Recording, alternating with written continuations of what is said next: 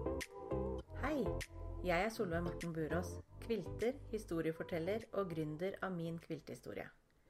Hjertelig velkommen til podkasten Din kvilthistorie. Podkasten som gir deg de unike norske kvilthistoriene på norsk. Husk at du kan finne mer informasjon om meg og hva jeg kan hjelpe deg med på nettsiden minkvilthistorie.no. Vi skal snart hoppe over til dagens kviltehistorie. Men før det håper jeg du vil fortelle at du hører på denne podkasten til dine sy- og kviltevenner. Når du gjør det på sosiale medier, og samtidig husker å tagge meg, kan jeg si hei tilbake til deg. Dagens eh, gjest og historieforteller er Anita Davidsen. Anita er en utrolig dyktig dame. Jeg må si dette er ei dame som har knekt både fargekoden, og ei dame som, som vi har mye å lære av. Anita er, er, trolig den som var først ute med å ta longarmkviltingen til Norge. Og kanskje er det, eh, reise, er det reisegleden som gjør at hun har et blikk for det som er nytt eh, litt før oss andre. Eller kanskje det er noe med omgivelsene der hun har valgt å bosette seg. Et sted litt utenfor sentrum, i en kommune som i tillegg til Anita kan skryte på seg andre kreative folk som Bjørnstjerne Bjørnson og Arne i, i duoen Arne og Carlos.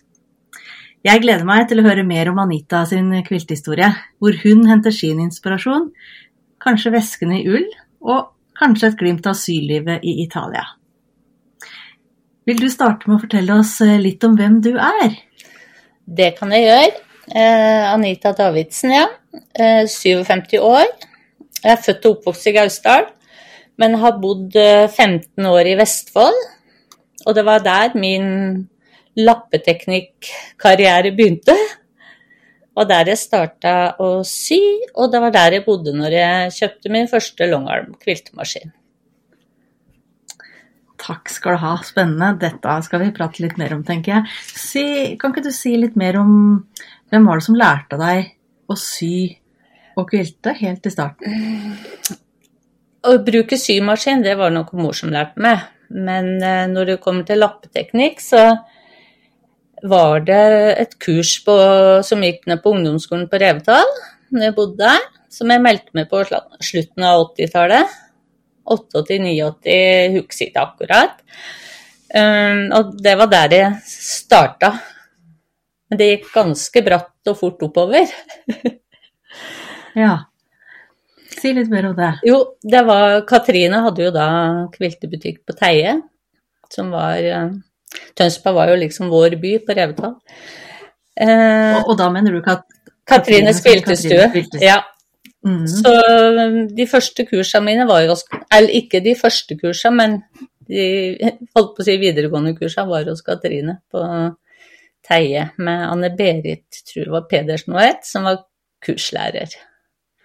Så jeg husker jeg gikk og sydde bondegårdsteppe. Det tror jeg var et av de første sånn med, med, applikasjoner med mange forskjellige teknikker. Ja. Det her begynner å bli noen år siden.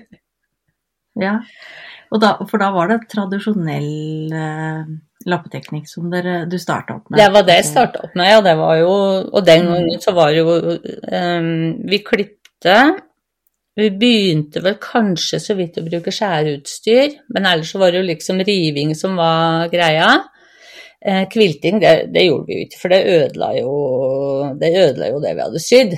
Så vi kunne til nød sy oh, ja. in the ditch. Og vi vrangsydde jo. Vi, skulle, vi hadde jo ikke lært å sy lukkekanter, så det var jo vrangsying som gjaldt, liksom. Så det skjedde egentlig ganske mye på kort tid, kan du si, etterpå, i utvikling. ja, det må det ha gjort, da. Dette, dette var jo før, før, min tid, hører jeg, at, eh, at den starten der. Men, men eh, så, så, hvis, jeg, hvis, jeg, hopper litt da til sida igjen nå og tenker litt sånn derre uh, Jeg syns det er spennende å høre litt om åssen andre har det rundt seg når de syr. Uh, og hva liker du hvordan liker du best å ha det rundt deg når du syr, eller hvor syr du hen nå om dagen? Jeg syr vel kanskje mest akkurat når jeg er i Italia, når det er den type søm. Um, her så har jeg jo Si litt, si litt mer om hva du mener med den, den type søm. Altså, altså lappeteknikk og ja, hobbysøm, da. Og vesker og Ja. alt det her. For ellers så hjemme så Ja. har du jo systue, men det er jo interiørsøm. Gardinsøm. Ja, for det er det Det er det er jeg det du du med. driver ja. nå. Mm. mm. Så uh... Men, men du sier du har eh, Ja, si litt om åssen du har det der rundt deg i Italia, da. For du har et eget hus? vi har eget hus, ja. Så, Ja. så jeg har eh, installert meg da på et rom der med symaskiner og masse stoffer. og ja. Jeg slapper så godt av når jeg er der og har liksom Det er der jeg har tid og inspirasjon og lyst til å, til å sy. Ja. Så eh, her så blir det på en måte jobb. Når jeg er i Ja. Italia, så blir det hobby. Ikke sant. Og det, det er jo spennende at det er, kan både være jobben din, men det kan også være hobbyen Ja. din. Men, og så sier du at du syr vesker. Si litt mer om veskene som du syr. Eh, Jeg syr jo vesker i ull, og det er jo møbelull. Det er jo høykvalitetsull, kan du si. Samme som vi bruker i møbeltrekking og, og gardiner og eh, Syr jo ja, og bruker skinn til hanker, og syr gjerne de når jeg får tak i riktig skinn. Som du kjøper i Italia, det skinnet, eller? Nei, det har jeg, har jeg kjøpt her hjemme. Jeg har kjøpt en del hanker, ferdighanker, da når jeg ikke får tak i skinn, så må jeg jo på en måte kjøpe litt ferdighanker, og det har jeg gjort når jeg har vært i Italia. Ja. Der er. Amazon som gjelder, der skjønner du. Ja, vi skal, vi skal ikke gå inn på Amazon og, og den, men av og til så må vi ty til dem òg. Ja. Men, men du, du gjør jo litt annet òg enn å sy vesker veit jeg. Du har jo du driver litt med kollasj, du òg. ja. Og det var, jo, det var jo du som var grunnen til. Du hadde jo inspirasjonskveld på Kviltlaget i Gausdal, og jeg tror det er i hvert fall mange år siden jeg har blitt så inspirert av noe. Det Og jeg har på en måte heldig vært like, stor applikasjonselsker, for det syns jeg har vært mye pirk og Men kollasj, det slo virkelig an. Det syns jeg var fantastisk eh, inspirerende og veldig artig. Og begynte i Italia, når jeg var der. Og lagde en del kollasjer som jeg fikk eh, ramma inn hos en rammemaker der, og ja. Så det er kjempeartig. Eh, Det med å jobbe med Altså, det som jeg liker best der, er jo på en måte når jeg har et bilde, og jeg kan sjøl lage mønstre ut fra et bilde. Kanskje du endrer bakgrunn, kanskje du endrer noen detaljer, men at du kan lage noe ut ifra et foto, da. Er det noe du har gjort før du begynte med kollasj? Nei. Altså lage mønster? Jo, jeg har lagd mønster, jeg har lagd mønster men det har, det har på en måte vært helt annen type mønster. For det har vært væskemønstre og, og ja, kanskje noe dukmønstre og litt sånn enklere geometriske former. Er, mm, Så, men jeg begynte jo med kollasj i, i 2022. ja. Men, og du har jo lagd Jeg må bare få trekke fram den bilen som du har lagd. Kan ikke du fortelle? Du har lagd en pickup. Og det Ja. er ikke den pickupen som vi kjenner fra Laura Heine sitt mønster, det er en annen pickup du har lagd. Dette Kan her, du ikke fortelle om det? ja, dette her var et bilde eh, som en slektning, eller en som er gift med en eh, meg i USA, eller femmenning, eh, la ut på eh, Facebook. Og det bildet var bare Det var en rusten, gammel eh, pickup som ikke går. Men jeg bare falt så for det bildet, så jeg sendte melding til henne og spurte om jeg kunne få lov å bruke det og lage en kollasj. Ja, ja, ja, det kunne jeg bare gjøre. Og starta jo da med å bestemme for hvor stort jeg ville ha det her bildet, og printa ut og begynte å lage og bytta bakgrunn på det, for bakgrunnen var ganske så kjedelig på det bildet. Ehm, og blei jo veldig fornøyd med Og det blei et stort bilde, for det ble 60 ganger 60, så det er ganske stort. Mm. Men eh, for en eh, morsom greie. Det var så gøy.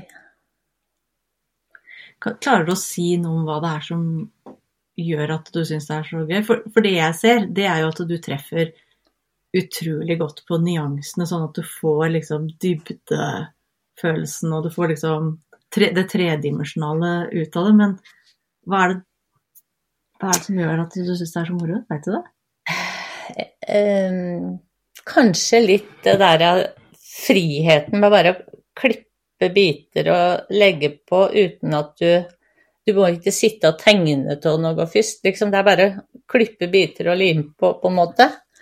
Det, det syns jeg i hvert fall Det er den eh, delen som jeg syns er artigst med kollasjen, da. Den derre litt frie Finne de riktige stoffene og, og Ja, nei, det er, det er fryktelig vanskelig å forklare, liksom, åssen Ja. en tenker, eller hva, som gjør det, men uh, utrolig artig. Inspirerende og Også, også helt, en helt annen måte å lage uttrykk Altså uttrykke seg på, eller lage på en måte historie jeg, kaller- jeg blander jo kollasjen og historiefortellinga veldig tett sammen. Ja. Altså jeg tenker at eh, det, det henger så tett i sammen, så ja. Ja. Nei, ja hvis man ikke har prøvd eh, seg litt på kollasj, så er det absolutt noe å anbefale, altså. Det er det virkelig. Det at andre blir like bitt som jeg ble, kan vi kanskje ikke forvente, men det, det er Ja. Jeg tror det er litt eh, slik at enten så liker du det, eller så syns du det blir for fritt, på en måte. Jeg tror mange, Ja. mange vil jo gjerne ha et mønster og ha liksom eksakt oppgaver, på en måte, da, ønsker jeg. Mm. Men um, nei, det er kjempeartig. Jeg har jo en idé om at hvis man prøver seg litt på collage, så, så kan man på en måte ta det litt mer over i det mer faste. At man kan strekke seg litt mer på fargevalg, litt mer på eh, å utfordre seg sjøl på å dra seg litt utafor mønsteret, eller Mm. kan Du har jo mye mer erfaring enn meg, så, men tenker du at eh, folk kan oppleve det sånn? Altså at det vil gi noe Ja, kanskje. Jeg tenker at i hvert fall det eh, muligheten til å kombinere collage med tradisjonell lappeteknikk, den er jo absolutt til stede. Og det blir jo på en måte litt Vi har jo alltid hatt den applikasjonsdelen, forskjellige typer applikasjonssand som vi har brukt, men kollasjen blir jo fordi at det er liksom Sårkantene er jo der, og alt Ja, alt er jo bare eh, kvilta fast, på en måte, altså sydd fast. Mm. Det er jo ikke noe ja. Men det å kunne Mm. kombinere det inn i lappeteknikk, i løpere, i tepper, i vesker, i hva som helst, det det er jo spennende, da. Mm. Det, det er det, og her er det store muligheter for å videreutvikle det, Ja. tenker jeg. Men hvis jeg drar deg egentlig ganske mange år tilbake Jeg sa nå i starten i introduksjonen om at eh, du kanskje var den første til å ta longarm-quiltinga til Norge. Mhm. Vil du, vil du fortelle litt om hva er det jeg sikter til da, eller hva er det, hva er det jeg mener? Ja. Det starta egentlig med en amerikatur i 1994. Familietur. Vi skulle besøke slektninger. Så vi kjørte rundtur og var borte i tre uker. I løpet av disse tre ukene så måtte jeg til kiropraktor, for ryggen slo seg vrang. Langt opp i Minnesota, ute ut i ødemarken, og måtte til nærmeste by. Og naboen til den kiropraktoren, det var ei som drev med longarm maskinkvilting. Og det var mitt første møte med en longarm kviltemaskin. Jeg var så fascinert av hvordan hun jobba. Du, du spenner jo teppene opp, og du Det er jo maskiner som beveges, og ikke, ikke stoffet. Uh, åh, jeg var helt betatt av det, og noterte meg jo navnet på maskina og alt, da. Og så, et par år etterpå, så valgte jeg å starte for meg sjøl, med, med interiørskjønn, da.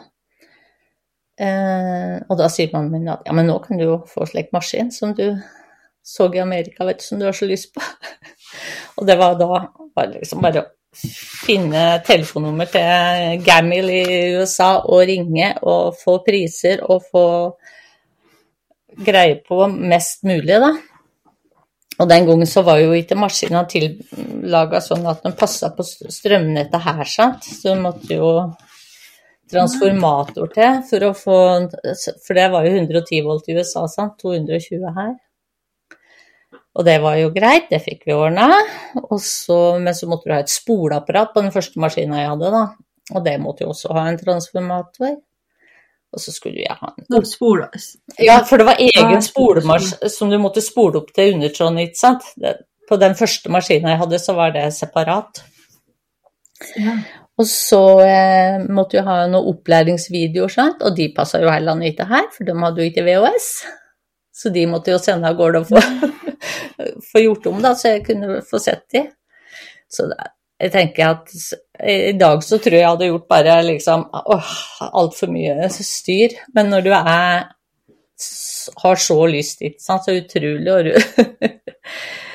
Og ringte USA vet du, på kveldstid, liksom, da, for da var det jo morgen der, og Nei, det var, det var eh, spennende når den første maskina kom i 96. Men for det var aldri snakk om at noen kunne importere for deg, du måtte kjøpe Ik ja, jeg visste, ikke, direkte? jeg visste ikke om noen da, men um, i 2000 så kjøpte jo jeg til, og den kjøpte gjennom meg i Irland, som var da agent for, for Gamil i Europa. Men da var det jo Ja. kommet flere, ikke sant. Når jeg kjøpte den første, så var jeg den første i Skandinavia og en av de første i Europa. Ja. Så det var liksom ikke Men du, vi gikk egentlig litt rett på. For det, hvis vi skal si enda litt sånn tydeligere, hvis det er noen som er ukjent med det her, og hva det er for noe, kan ikke du egentlig Mm. Forklare? du å si det? Ja, Ja. så er det enda sånn enklere. Hva, hva er en longarm kviltemaskin, og hvorfor er vi så opptatt av det? Ja. En, en longarm kviltemaskin er jo på en måte en, et kjempestort bord. Hvor de som syr lappeteknikk, særlig kanskje doble sengetepper som er stort og vanskelig å kvilte eller vattere da, i en vanlig symaskin, kan få det gjort. Da ruller den jo opp eh, eller lappeteknikken da, på én rull, og så har du bakstykke, og så har du vatt, og så legger du de tre lagene, og så beveger du maskinen med søm over som en vattering. Og så kan du gjøre det da med dekor, på en måte, da med å sy mønster og Så får du vattert teppe. Så det er jo det det handler om, egentlig. En kvilt, og kvilting er jo vattering av tepper. Ja, Ikke sant? ja. Så eh, det var jo en revolusjon, for at uh, plutselig så Jeg husker, jeg tror det måtte være 97 som jeg var på årsmøtet da, til Norsk Kviltforbund og fortalte om longarm quilting. og maskina mi, og at jeg kunne ta imot tepper til kvilting. Det var så mye Mange var jo så skeptiske. Ja. Uh, Å nei, nei. Det, nei, det kunne de ikke sende bort. Da ble det jo liksom feil. Men det gikk ikke så innmari lang tid før vi hadde 70 tepper på vent. Altså. Vi hadde ett års ventetid på å få kvilta. Vi hadde så mye å gjøre. Og etter hvert så Jeg fikk jo med meg ei venninne som begynte å jobbe hos meg, Toril Lindstebø. Dyktig eh, kvilter, sant, og, og var med, da. Og etter hvert så kjøpte jeg en maskin til i 2000, og da hadde jeg ei annen venninne som også ble med. Så da var vi tre som holdt på, for det var ingen som orka stå med dette fulltid, på en måte, da. Så vi delte, delte litt på det. Var dette, var dette maskiner som gikk på datamaskin og regulerte seg sjøl, eller sto dere da og styrte? Dette her var jo litt sånn før stingregulering og før disse her datastyrte kom, da. Så dette her var av den gamle typen. Så vi måtte på en måte Mm. lære oss å bevege maskina i en jevn fart for å få jevne sting, da. Mm. Så um... Og det er jo det, den aller største forskjellen. Ikke sant? At på Ja. en sånn longarm-maskin så er det maskina du flytter, mens når vi sitter på de vanlige symaskinene våre, så flytter vi jo stoffet. ja, ja. Eller teppet. Ja. Ja. Og den her maskinen har et stort hue, eller stor åpning. Altså du hadde liksom et godt, ganske stort kviltefelt som du kunne jobbe på liksom om gangen. Og hele bredden på teppet, ikke sant. Så, så i 2000 så reiste til USA 2000, 2001, ja. Reiste til USA på kurs eh, sammen med fem damer fra England. Det var jo litt av en opplevelse. Dro til Dallas og opp til Linda Taylor på kurs i en uke, snau uke, og så videre til Houston på kviltemarkedet der. Det var òg en eh, opplevelse. Spennende. Ja. Men, og, og dette gjorde du liksom bare helt aleine? Det var liksom ingen andre i Skandinavia som var Nei. Nei, det var ikke det. Det gjorde jeg alene. Men også, også jeg, jeg, jeg kan nok forstå at det var noe med skepsisen der, men, men i USA på den tida så var dette allerede vanlig, da, eller? Ja, det var nok i hvert fall mye mer eh, anerkjent enn det var her, på en måte. Ja, det var jo flere som drev med det. Ja. Og det, hun Linda Taylor var jo en sånn skikkelig foregangsfigur og veldig, veldig dyktig. Eh, og det var jo flere, men det var liksom henne jeg kjente til og, og lærte veldig, veldig mye av. Ja. I England så var det var jo fem damer fra England som var med på samme turen, så de hadde jo alle sammen hver sin maskin i England.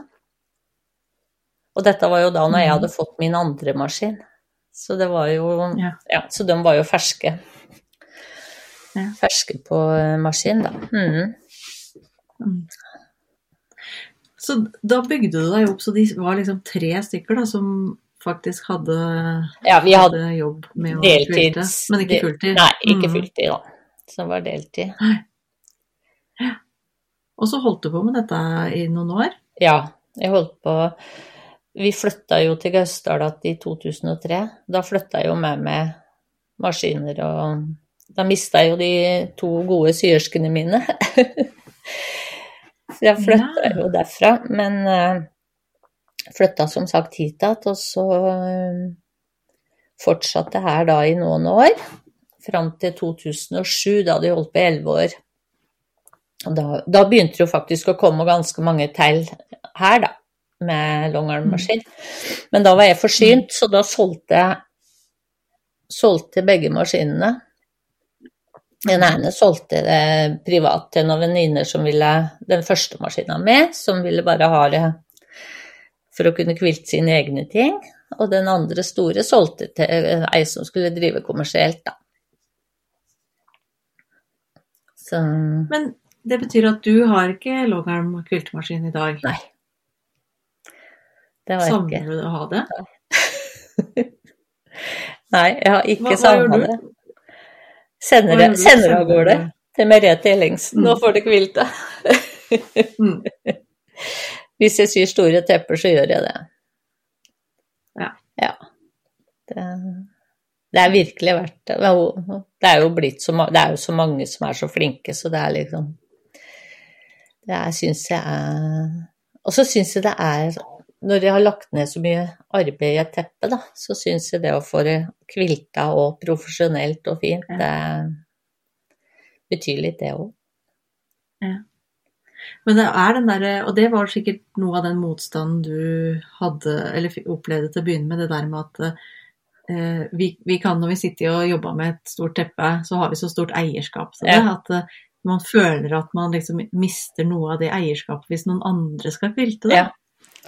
Det var, jo, det var jo det som var årsaken til å begynne med, men det var, det var jo eh, mange som var skeptiske, men etter hvert så så de jo at det var en mulighet for å få ting ferdig og sant? Da kunne de Ja. sy et stort teppe, for da var det noen som kunne hjelpe dem med kviltinga, for det var jo det mange grua Jeg holdt jo veldig mye kurs i maskinkvilting etterpå, Ja. på vanlig symaskin. Og det var jo mange som syns det er fryktelig vanskelig. Ja, det Én ting er jo at det er vanskelig, men jeg, det er jo veldig tungt arbeid. Ja, på Altså, store det jo ting. Store ting i en liten maskin. Det, man får det jo til hvis man tar tida til hjelp Ja. og liksom jobber med det, men man blir jo Det er jo fysisk er tungt arbeid, syns jeg. Ja, ja. Det er det. Men blei du en inspirasjonskilde for andre da, som hadde lyst til å starte med longarm-quilting Ja, jeg i Norge? regner jo med det, siden vi var først, først. Så Mm. Og vi hadde jo når vi, hadde, når vi holdt på på Revdal særlig, så hadde vi jo busslast av damer som kom og ville høre historien, sant. Og det var husflidslag og kviltelag, til og med fra Sverige kom jo på busstur for å Ja. Ville høre historien om longarm-kviltinga og åssen det starta. Og... Så den historien jeg forteller, det nå er det mange som har hørt før. Men kanskje har kommet noen av oss unge til, yngre til, Mhm. hvis jeg Ja. kan få lov å være yngre, eh, som ikke har hørt den at den Ja. starta på den måten en, med et besøk hos en kiropraktor faktisk, Ja, i USA. faktisk. Det ja, er så bra. Men eh, kan jeg spole eller skifte, skifte litt tema? Fordi vi lever i en tid nå som er i stor utvikling og forandring. Og jeg lurer på, rett og slett, har du Er bærekraft noe som du reflekterer over i ditt syrliv? Eh, Nei, jeg kan vel ikke si at jeg reflekterer så hardt over det, men jeg syns det er veldig tilfredsstillende å sy av det jeg har. Av rester og av gjenbruk. Eh, Olabukser og ja. Eh, Det syns jeg er kjempeartig. Og et eksempel på det var når koronaen kom. Så jeg har sydd et teppe som jeg kaller for koronateppe. Det var Porsche Penelope-mønster. Starta egentlig som skulle bli ei pute. For det er jo en eh, blokk som er forferdelig mye jobb på. Og så blei det til en løper, og så blei det til en duk, og så til slutt var det et enkelt sengeteppe. Eller et stort slumreteppe. Eh, Men, og det var sydd kun av stoffer jeg hadde i huset. Jeg måtte kjøpe noen få stoffer til bakgrunn for å få lys bakgrunn. Men ellers så Og det syns jeg For det første syns jeg teppet er veldig fint, for da Jeg vet ikke hvor mye stoffer det er i det. Det er så mange stoffer i det. Alle slags farger, ikke sant. Mm. Så det var virkelig kjempetilfredsstillende. Ikke sant? Og så ja, gjenbruk og sy med olastoff, sånn, men, men det at du syr veskene dine, er jo også av ull, altså Ja. et eh, naturprodukt. Ja. Da. Det er naturprodukt. Så det er jo et mer bærekraftig materiale enn det bomullsstoffene våre er. Ja. Mm. ja. Kan jeg spørre om du dokumenterer eller skriver du ned din kvilthistorie på noen måte? Nei, dessverre. Så gjør ikke det. Og ikke er jeg så innmari flink til å ta bilder her. For at, eh, det har jeg jo liksom skjønt etter hvert. Plutselig ser du en eller annen plass, så er du, og så ser du bilder eller teppe eller en løper eller et eller annet, og så Ja, den har du sydd, liksom. Eh, ok. Ja.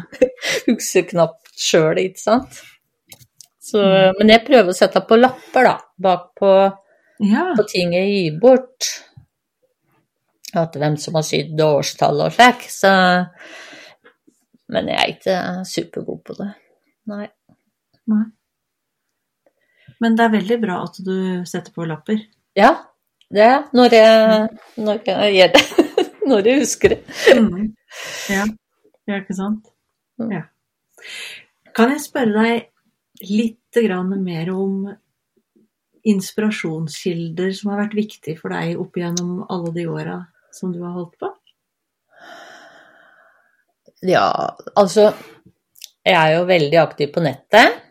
eh, Og før vi på en måte ble aktive på nettet, så var det jo var jo å besøke andre kvilt, ja, besøke kviltebutikker og besøke utstillinger og liksom hente inspirasjon hos andre, da. Før på en måte internettet tok over, og det er der vi sitter og blei gjennom Pinterest og YouTube og Facebook. Så eh, ja. Og blader. Vi kjøpte jo mye blader. Både utenlandske og etter hvert eh, så kom det jo noen norske blader. Og de Mm. var jo mye mer viktige den gangen da, enn de, jeg føler at de har vært de siste åra. For nå har vi så mye tilgang, sant. Nå har vi tilgang på så mye, men da så var det jo ikke så mange steder å få inspirasjon. Men vi må si det at vi har vært heldige i Norge som har hatt noen veldig gode eh, kviltemagasiner. Og, Eh, opp Veldig, igjennom. veldig heldige. Så Ja. ja, vi, har, eh, vi har det. det jeg ser som kommer nå som kanskje kan være et alternativ, det er at de, det kommer noen magasiner som kommer som sånne e-magasiner, altså som kommer som rene internettmagasiner og ikke som p- papirmagasiner. Og det er, litt, det er en litt annen form igjen, syns jeg. Eh, Ja, og som kanskje kan være et tilskudd inn i inn, da. ja, men samtidig så må jeg jo si at hvis jeg Jeg kan godt gå på syrommet, og så kan jeg bare ta fram en bunke Hvis jeg ikke helt vet hva jeg skal gjøre, Ja. ta fram en bunke Mm. med Wilt f.eks., og bare blæ og Mm. blæ og blæ. Mm. Og det blir helt noe annet enn å bli på nettet da. For at, sant, da Mm. sitter vi jo med mønstrene der, men Mm. så er det noe med å ha Og det er helt jeg, Ja, og jeg følger deg jo helt på det. Og så tenker jeg de som kommer etter oss, de er jo oppvokst med det digitale verktøyet. De har jo på alle måter, ikke sant eh, Det er jo nesten ikke skolebøker igjen, syns jeg. De, alt ligger liksom Alt er på nettet. Så, så de vil kanskje også lese internettmagasiner på en annen måte enn det vi klarer, da. Å lese, lese dem. Ja, det tror jeg. Kanskje. Ja. Mm. Mm. Men jeg er enig. De eh, jeg, jeg har òg en stor bunke eh, av kultemagasiner og, som jeg kan bla i. ja. Men hvis du skulle gi et tips eller et råd til noen som lurer på om kvilting er noe for seg, hva ville du ha? Oppsøk en, eh, et kviltelag, melde på et kurs, teste ut.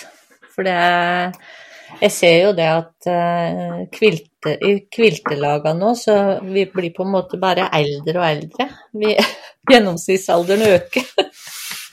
Så vi trenger på en måte noen nye, yngre krefter inn nå. Og jeg er sikker på det at hvis de eh,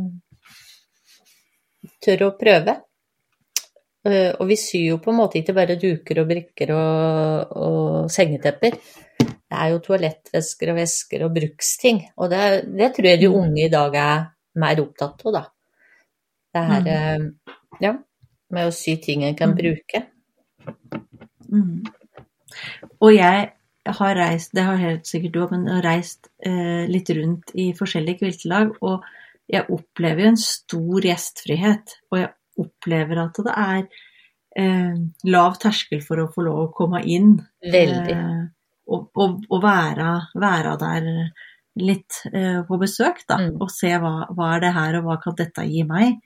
Eh, for det er jo litt skummelt å, å skulle oppsøke et miljø som er helt ukjent, men kanskje man kan gå flere sammen, og kanskje man eh, kan være i kontakt med dem som eh, driver laget litt i forkant, så blir, det, blir man liksom tatt imot Ja. når man kommer òg. Mm.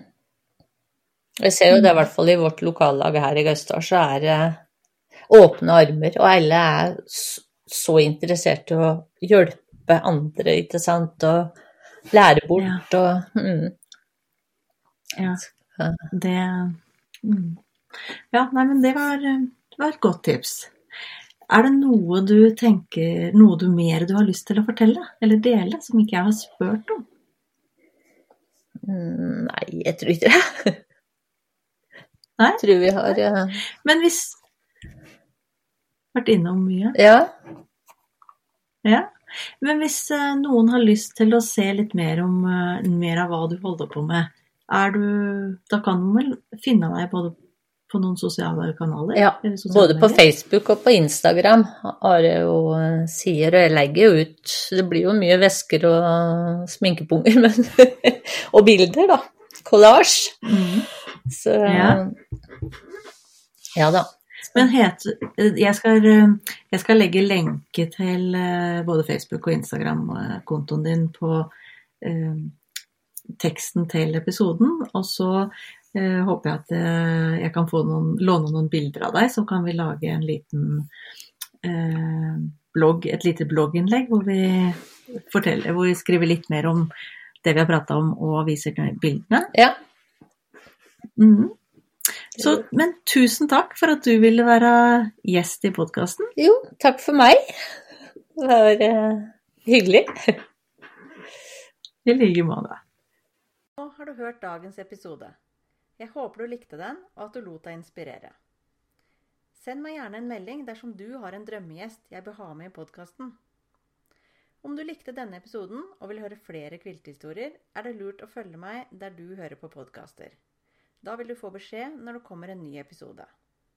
Husk at du kan finne mer informasjon om meg og hva jeg kan hjelpe deg med, på nettsiden minkviltehistorie.no. På nettsiden finner du også informasjon og lenker fra denne og tidligere episoder av podkasten. Følg meg gjerne på Facebook. Der finner du meg under Min kvilthistorie. Eller på Instagram, der du finner meg under My Quilt Journal. Ønsker deg en fin dag videre. Vi snakkes.